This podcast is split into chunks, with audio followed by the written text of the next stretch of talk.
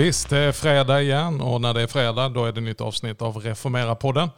Jag som sitter här är som vanligt Magnus Persson. Idag sitter jag i ett soldränkt, vackert träslövsläge eller som de inbitna locals säger, lejet. Och eh, här sitter jag i kyrkan, Träslövs läge församling tillsammans med Samuel Björling. Välkommen! Tack så mycket. Samuel, du är, du är en sån här, eh, inte riktigt born and raised, men eh, du har, en, du har rötter här i Varberg. Jo men det stämmer bra. Jag har bott här hela mitt liv skulle mm. jag säga. Min farfar kom hit som pastor mm. i pingströrelsen och min morfar kom som pastor för Missionsförbundet. Oj, och, du är eh, riktigt pastoriserad alltså. Ja, jag är väldigt så pastoriserad och eh, jag är ju resultatet av något ekumeniskt möte. Det här blir spännande med tanke på vad vi ska prata om.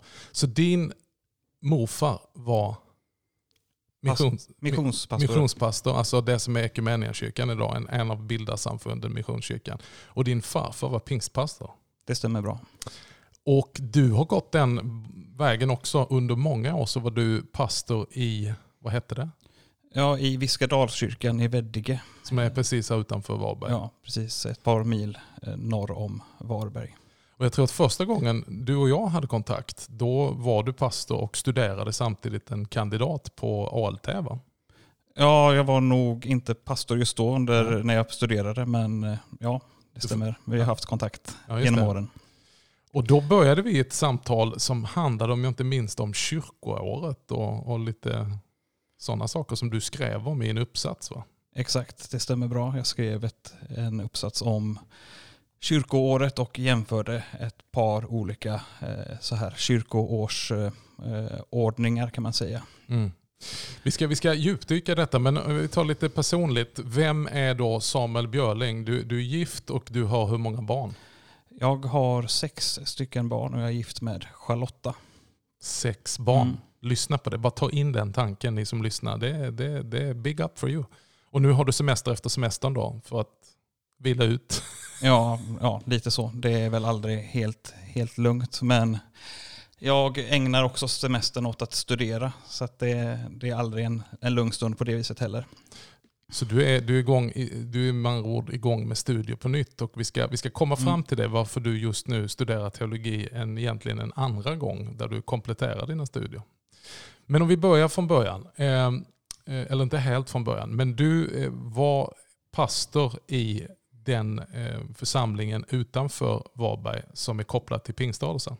Ja, och, och, och, det var en kyrka som, som laborerar lite med, med lite för pingströrelsen ovanliga former.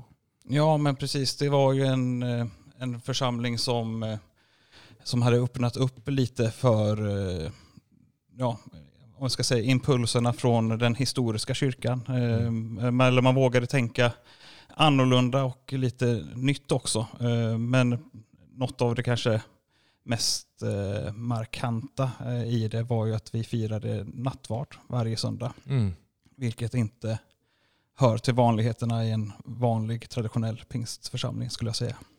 Och du då som pingstvän och, och sedermera pingstpastor eh, valde att skriva om kyrkoåret i din uppsats. Var, var, var kom det här ifrån? Och vad, vad ledde dina tankar in på detta?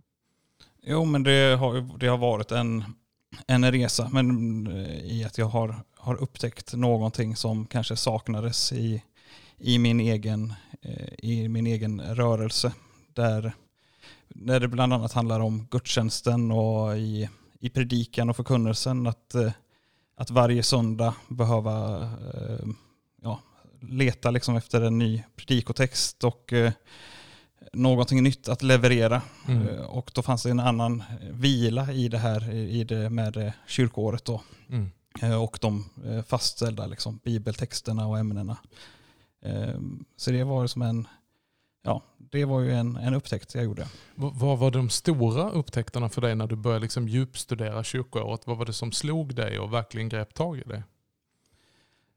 Ja, men dels var det ju, eh, eller en av de stora grejerna var ju att det, det finns en en stor variation av texter mm. Eh, att, eh, att möta och det blir inte bara ens favoritämnen som mm. predikas. För det blir lätt det att man predikar samma budskap söndag efter söndag. Mm. Eller så kunde det i alla fall kännas för mig. Mm. Och här så genom att få en eh, texter bestämda så var det också att då eh, ledde ju det till att jag kunde ge församlingen en, en mer varierad kost helt enkelt. Mm. Och som pastor tvingas man då att brottas med Exakt. och predika texter som du aldrig skulle valt själv kanske. Helt riktigt. Ja. Ja, men, eh, det här är spännande. Vi ska lyssna mer vad du har att säga.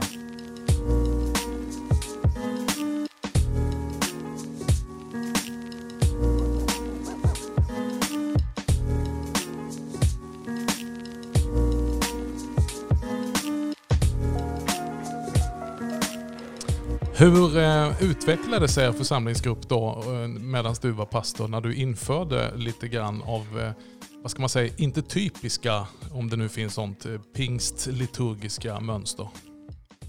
Ja, eller så, den här församlingen var faktiskt så här att den här utvecklingen skedde redan innan jag kom in i bilden. Mm. Så, att när, så det var en av anledningarna till att jag sökte mig faktiskt till till den gemenskapen eller att det öppnades en dörr eh, och jag trivdes i det. Att det här med eh, att man firade eh, nattvard varje söndag. Mm. Men någonting som vi gjorde under den perioden var ju också att vi började, det var ganska fri eh, nattvardsfirande kan man säga. Jag behöver inte gå in helt i detalj på hur det gick till men eh, vi det, vi hade nattvardsfirande och vi hade det ganska direkt i gudstjänsten vill jag minnas. Så vi, kom, vi kom att eh, förändra det till att det kom liksom i slutet av gudstjänsten efter predikan. Mm. Och eh, vi började också införa lite mer liturgiska moment kan man väl säga, även om det här var fortfarande ganska fritt. Mm. Men att vi hade en syndabekännelse till exempel mm. och vi läste eh, Fader vår. Mm. Gör du samma eh, observation som jag gör och som jag ofta tar upp här i podden som jag kallar helkyrklighet, att det finns, inte minst bland unga vuxna, men också i, i alla generationer och i, i vår tid, en längtan efter en större fullhet av kyrkan. Där man ser karismatiska människor som kommer från en karismatisk tradition mer och mer börja uppskatta och söka efter liturgiska moment. Jo, men det, det tycker jag mig, mig se. Mm. Absolut. Och inte minst i mitt eget liv så har det ju varit någonting jag har, har upptäckt och har uppskattat mm. mycket mer. För att du har ju fortsatt den här resan. Hur många år var du pastor? I det här sammanhanget? Ja, jag tror att jag var pastor eller hade den formen av funktion i en fem sex år. Just det. Mm. Och eh, du har ju gått vidare då och, och eh, som vi bara nämnde lite grann, att du, du studerar ju nu på Johannelund, Teologiska högskola, för att du är antagen som prästkandidat för tjänst i EFS. Alltså att bli vigd till präst i Svenska kyrkan med tjänst i EFS. Hur, hur gör man en sån resa, säger jag som själv har gjort den. Men mm. jag tycker det är spännande att lyssna till dig. Ja, hur, hur gör man en sån resa? Jo, men vi har ju också, du och jag Magnus har ju träffats också under årens lopp och även innan den här resan eh, för oss båda kanske helt och hållet blev eh, sjösatt så. Nej men för mig så, så var det någonting att under min tid som pastor och egentligen eh, i mötet med andra eh, kristna när jag växte upp i, i frikyrkan, i pingstkyrkan så var det det enda rätta Mm. Det var, uppfattningen var att vi hade det och de andra eh, i samfunden eller kristna från andra sammanhang, de var väl kristna men det var inte riktigt på samma nivå. Eller... De hade inte sett hela ljuset. Nej, precis. Det var väl li var lite så, eh, den känslan. Men samtidigt så är det så att när jag också då har, genom åren har mött människor från mm. andra kristna traditioner så har den fördomen, den uppfattningen fått liksom brytas ner. Mm. Och jag har upptäckt att jo, men den helige ande finns ju i högsta grad även i, i missionskyrkan eller i alliansmissionen till mm. exempel. En av de största karismatiska rörelserna finns inom katolska kyrkan. Ja. Nej men så är det. Ja. Och, och ehm, jag brukar ju säga så här att, att ehm, jag får ju ofta frågan, precis som säkert du, ja men okej, är du inte pingstvän längre? Nej men alltså det är väldigt skillnad på att vara pingstvän och vara verksam i pingströrelsen. Jag är enormt tacksam. Jag skulle säga för varje år som går när jag idag är präst så inser jag tacksamheten och glädjen över vad jag har med mig i mitt arv. Eh, så att för mig har det inte varit att välja bort någonting utan att hitta en balanserad kost och också upptäcka andra delar. Mm. Så jag vill ju infoga det jag har med mig i, i, i den stora kyrkan så att säga. Så att nu är det mer eh, eh, jämnt skägg mellan att vara julvän, påskvän och pingstvän. Inte liksom bara det ena på bekostnad av det andra. Är det, är det så du känner också? Ja men exakt, det skulle jag nog vilja instämma i. Jag har inte valt bort någonting utan mm. det är snarare att jag har gått vidare och eh, mer, eller låtit fler eh, delar av, av krist, den kristna kyrkan fått, eh, få berika mitt liv helt enkelt. Men det här måste ju varit en process för dig. Hur, hur ser den processen ut? Man står, man har ett stort ansvar, man leder en församling och så samtidigt så gör man en resa in i trons värld och kyrkans värld i sitt inre. Hur hanterar man den processen? Ja, hur gör man det? Nej, det, har, det är klart att det har varit delvis lite smärtsamt kanske i det. Eh, man har känt sig ibland, ja, både i, i, i, i pingsrörelsen i stort då, för min del, så var det att man kände sig ibland ganska hemlös. Mm. Eh, det var, delvis var det en, en tendens som jag kunde se då och som kanske fortfarande finns där det blev ett alltför liksom, ensidigt eh, uttryck som jag inte kände mig helt bekväm i. Men samtidigt så var det att jag upptäckte också de här rötterna och mm. de här eh, uttrycken i, i liturgin till exempel. Och eh, då var det sådär att, eh, att när jag då kom in och liksom på något sätt landade i min egen Tron har ju hela tiden funnits, men jag landade, jag kom hem, det var ett tillfälle när jag började fira mässa i Svenska kyrkan. Mm en ganska enkel men ändå en liturgisk mässa. Och eh, kände att ja, men, nu har jag kommit hem. Mm. Och detta var samtidigt som jag var stor som pastor i pingströrelsen. Mm. Och, eh, och det var det lite den här, lite den, eh, vad ska man säga, upptäckten att när jag själv ska fira gudstjänst, när jag själv ska, eh, ska möta Gud eller, eh, och som ska trivas, då är det inte i det sammanhanget som jag själv är pastor i. Mm. Eh, det är klart att det var smärtsamt. Mm. Många, jag, jag, känner ju väldigt mycket väl igen det du säger och då har många sagt till mig, ja, men kunde du inte fortsatt så då? Fortsatt som pingstpastor. Och så kan man gå och hämta lite inspiration eller, eller för sin eget själs skull gå och fira en veckomässa. Och sen så kan du ju på söndagen gå in i din tjänst och, och vara pingstpastor.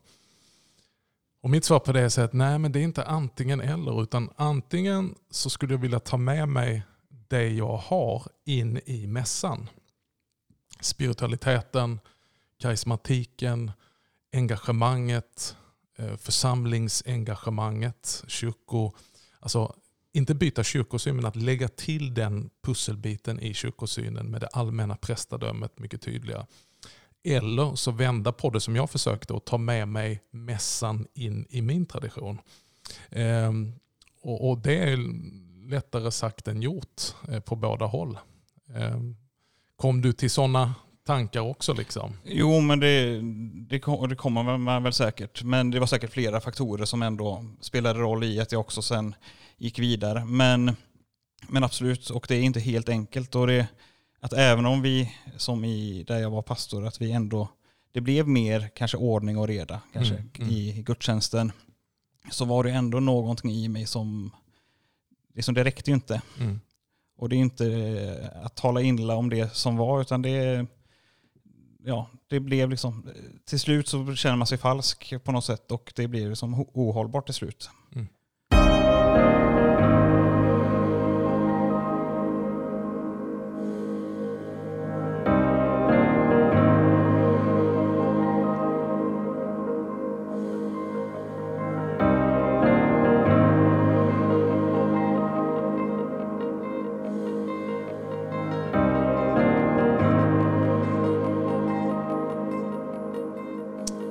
Vi sitter i Reformera-podden med Samuel Björling och vi talar om hans väg från pingstpastor till nu prästkandidat.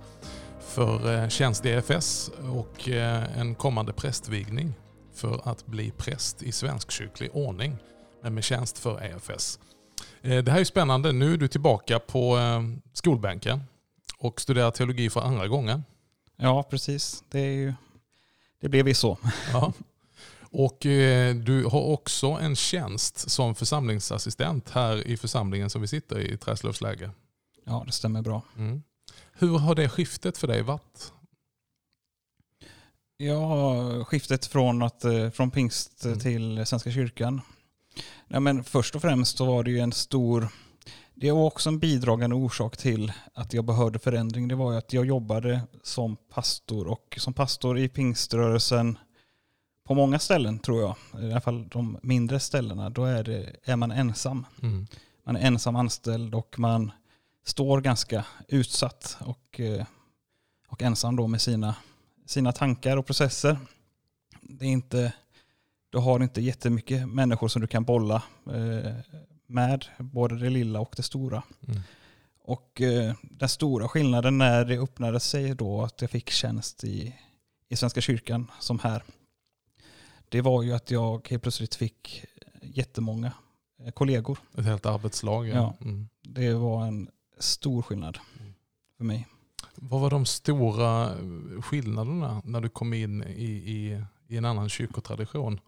Eh, var det något du tänkte på? Så, Aha, det här var annorlunda. Ja, nej men mycket kände jag ju till sedan innan.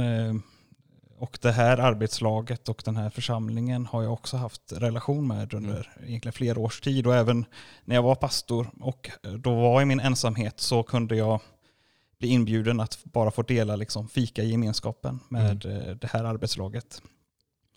Eh, men eh, de stora skillnaderna som man kan möta när man går från frikyrkan till Svenska kyrkan är, det är ju trons uttryckssätt och att eh, det inte med automatik eller med en självklarhet att alla i, som man möter i kyrkan eller i arbetslaget ens kanske delar samma typ av tro mm. eller mm. tro på samma sätt. Om man ens tror. Mm. Är det utmanande för en ex-pingstpastor? det är absolut utmanande, eh, det kan det vara. Mm. Men det är också en, en, möjlighet att kanske få, få dela med sig av någonting. Mm. Och eh, jag tänker att också fältet, eh, arbetsfältet blir så mycket större. Eh, du är van vid att jobba med en, en, en, en grupp som är ganska, liksom, det är de här som är med, punkt. Och sen eh, jobba för att nå andra naturligtvis. Medan nu står du i ett sammanhang där arbetsfältet är så mycket större och så många fler på olika sätt som du säger relaterar till, till kyrkan och församlingen. Ja, precis. Det är ju helt, helt riktigt. Och det var också ett av, en av de anledningarna som gjorde att det också lockade med mm. Svenska kyrkan. För att eh, som, när jag jobbade som pastor så blev jag också ibland inlånad eh, till Svenska kyrkan, bland annat den här församlingen där jag jobbar nu. Men med att gästa bland annat eh, konfirmandarbete. Mm.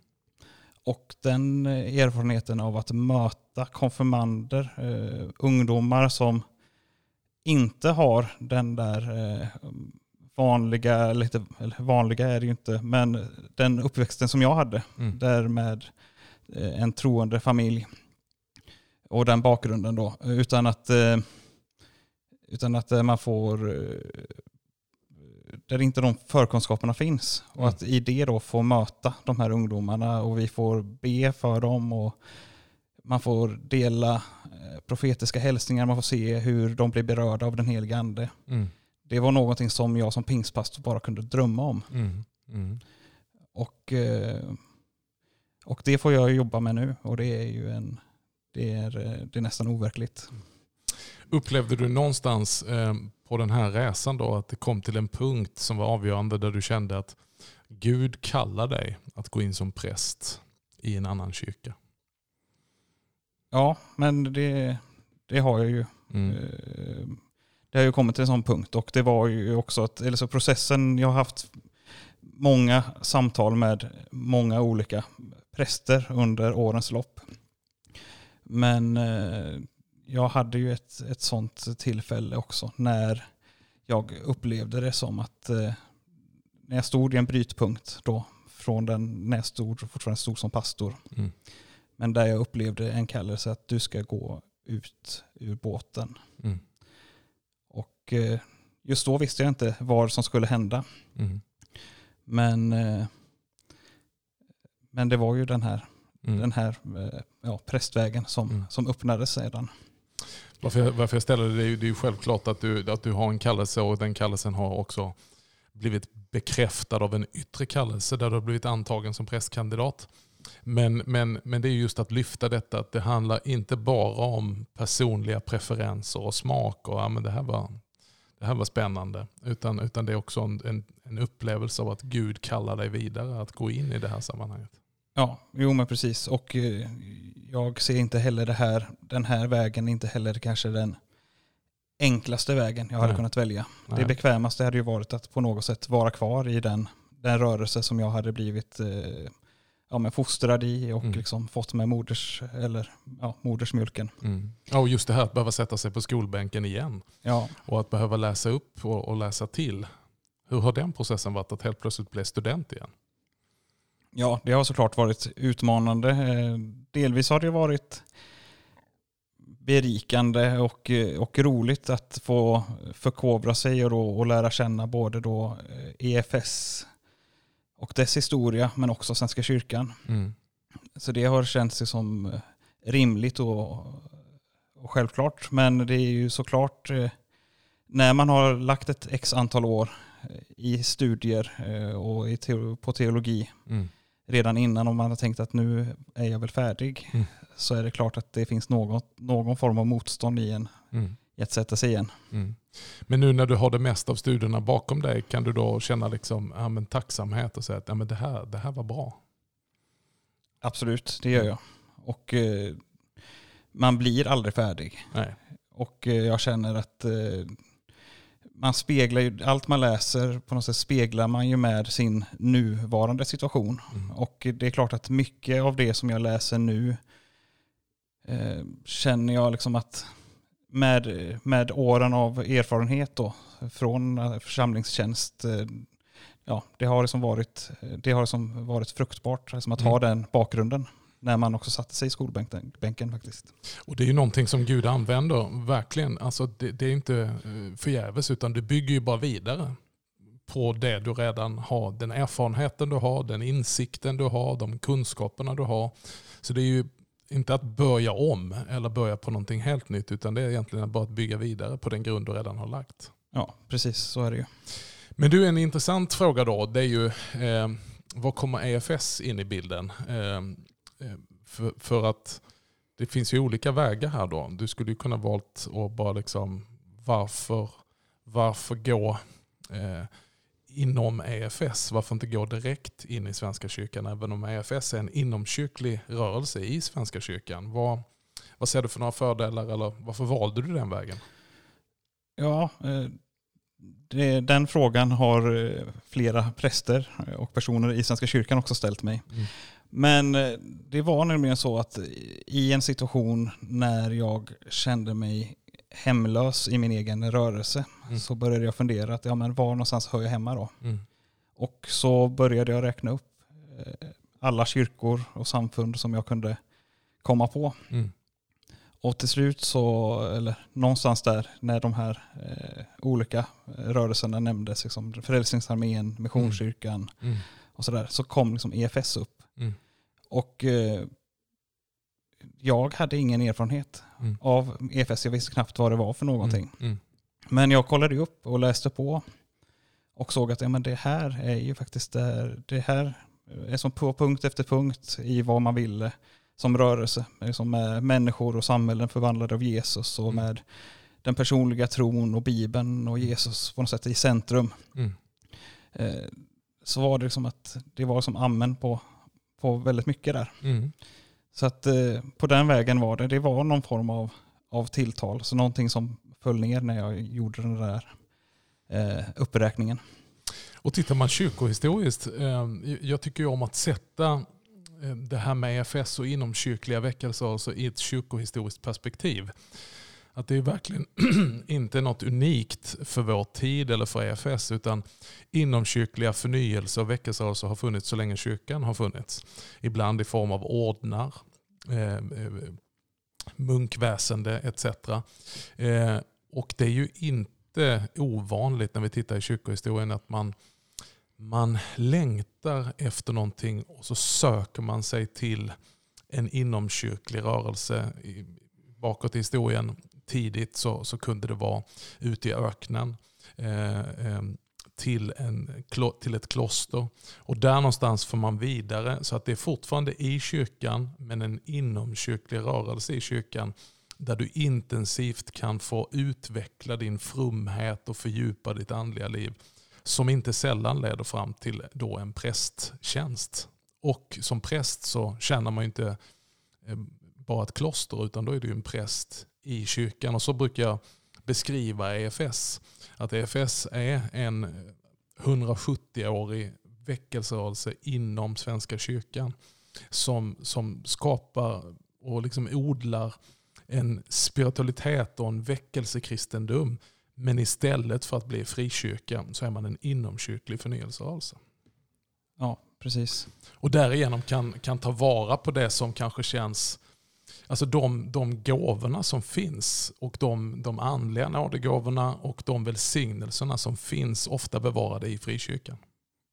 Ja, nej, men det stämmer. Och, eh, och det är också någonting som har eh, slagit mig när jag har läst på om EFS. Det är ju den här, eh, alltså, både i, i mötet för egen del, att jag känner mig hemma, liksom, man känner igen liksom, en viss ton mm. i, i det här väckelsearvet. Men, men någonting som har varit väldigt starkt och som har betonats när jag läst liksom, litteraturen, det är ju det att man hela tiden var kvar i kyrkan, man var mm. kyrkolojal. Mm. Och eh, det, när andra lämnade eh, och bröt sig vidare kan man väl säga så, så var det en grupp som stannade kvar. Mm. Och det är ett vittnesbörd tror jag mm. som eh, även för, för vår tid. Mm. Vi hade ett annat avsnitt här i Reformera-podden där vi talade om just det här med Nytt vin måste hällas i nya vinsäckar.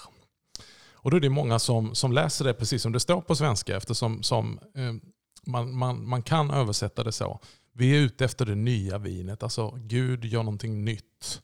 Han, han, han, han skickar eh, en ny våg, en ny väckelse. Och Det ordet där, om du läser det på grundspråket, det är, det liksom, det är nytt, nytt.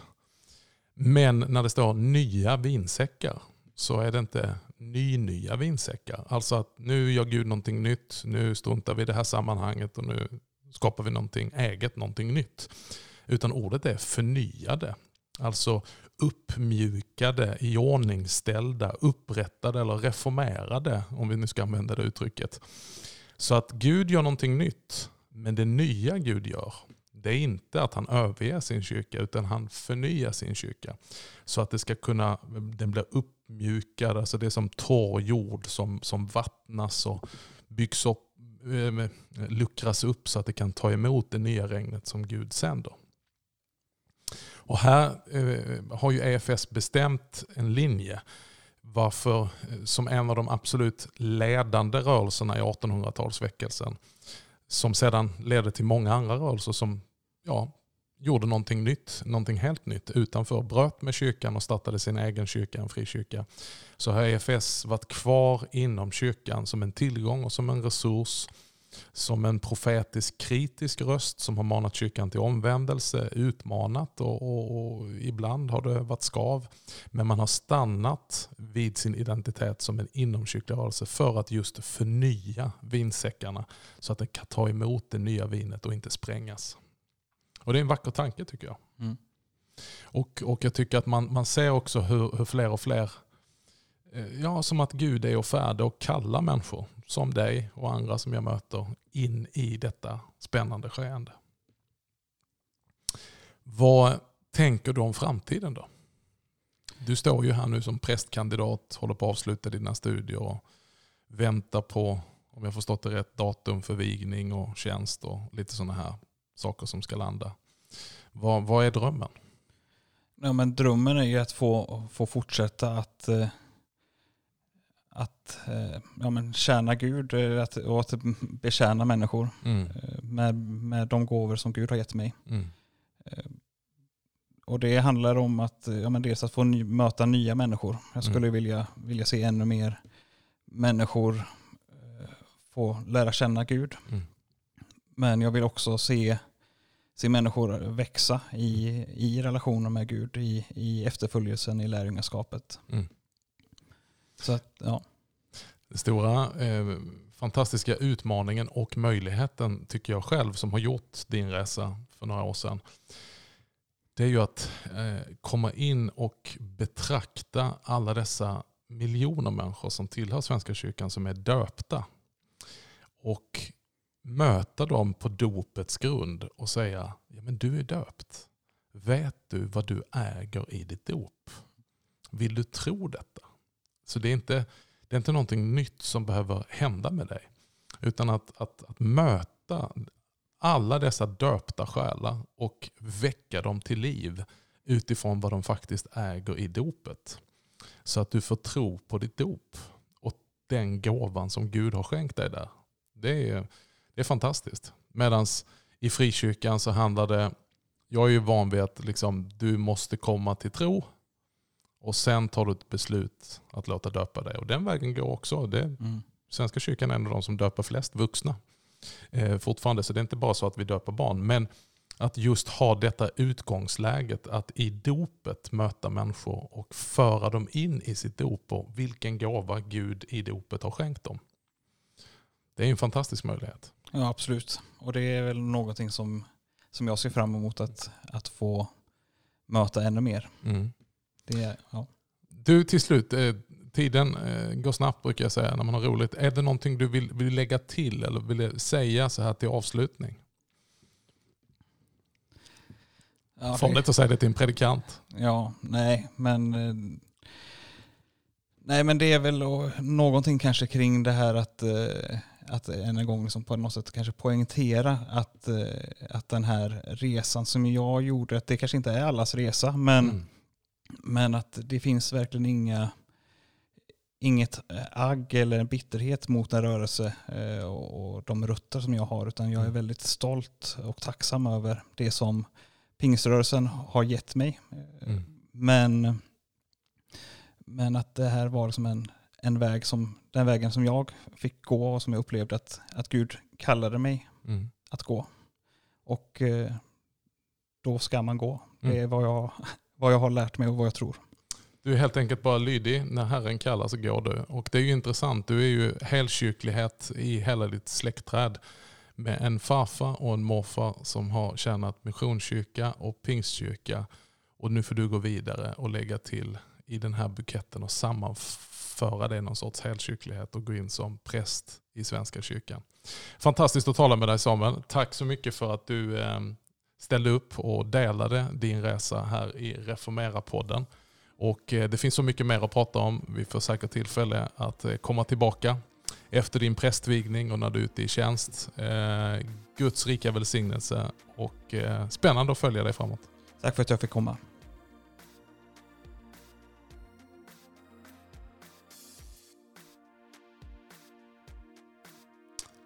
Ett stort tack till dig som återigen en fredag har följt med oss här i Reformera-podden och vi har alltså suttit i Träslövs läge och mött Samuel Björling eh, som just nu är prästkandidat för tjänst i EFS. Om Herren vill och vi får leva som vi brukar säga så är vi tillbaka nästa fredag med ett nytt avsnitt av Reformera-podden. Tills dess, Guds rika välsignelse.